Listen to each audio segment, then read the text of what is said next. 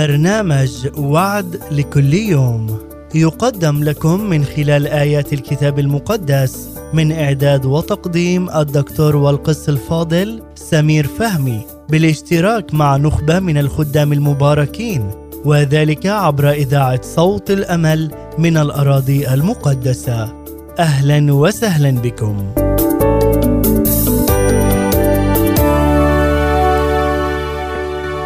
أهلا بيك في برنامجك وعد الكل يوم. الرب النهارده هيتكلم ليك من خلال آية تبدو في بدايتها غريب لكن لما نكمل مع بعض الآية هنرى وعد رائع جدا. من إنجيل يوحنا أصحاح 16 والآية 20 الرب ليه كل المجد بيتكلم لتلاميذه بهذه الكلمات. الحق الحق أقول لكم أنكم ستبكون وتنوحون والعالم يفرح. أنتم ستحزنون ولكن حزنكم يتحول إلى فرح. بداية هذه الآية أعتقد أنه كان صادم للتلاميذ لأن الرب ليه كل المجد بيتكلم ليهم ويقول لهم أنتم ستحزنون والعالم يفرح. أنتم ستبكون أنتم ستنوحون. ثالث كلمات بيتكلم بيها الرب لتلاميذه. كلمات أصعب من بعض. تبكون تحزنون تنوحون. لكن الرائع والمشجع جدا في هذه الآية وفي هذا الوعد المبارك أن الرب بيقول لتلاميذه ولكن حزنكم سيتحول إلى فرح.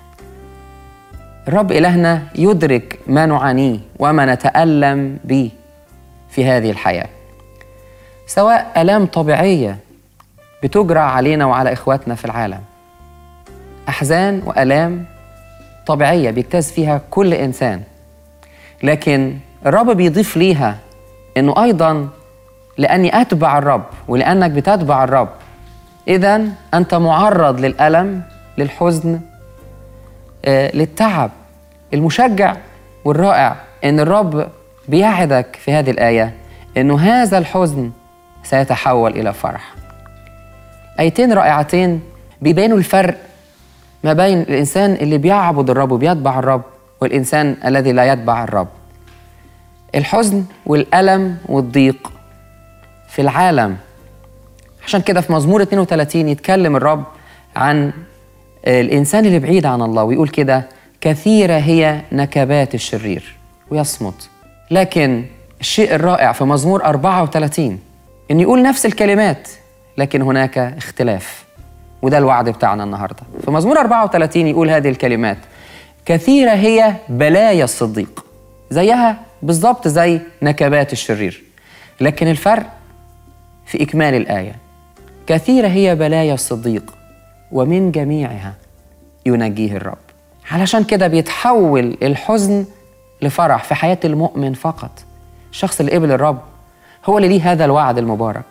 حزنكم يتحول إلى فرح لأن الرب بيأتي حتى ولو في الهزيع الرابع في قلب أحزاني في قلب آلامي في قلب, في قلب ظروفي الصعبة يحول كآبتي يحول حزني إلى فرح. الوعد ليك عزيزي المشاهد من قبل الرب إن كنت بتمر بفترة من الأحزان من الأتعاب من الآلام. وهذه الأحزان جعلتك تنوح وتبكي كما هو في بداية هذه الآية الشهيرة. لكن ثق في وعد الرب. ثق إن الرب سيحول حزنك إلى فرح لأنه يعلم تماما أنك تحتاج إلى الفرح في حياتك.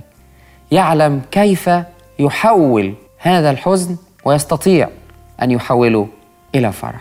الرب يبارك حياتك لتتمتع بفرح المسيح بعد الحزن. آمين.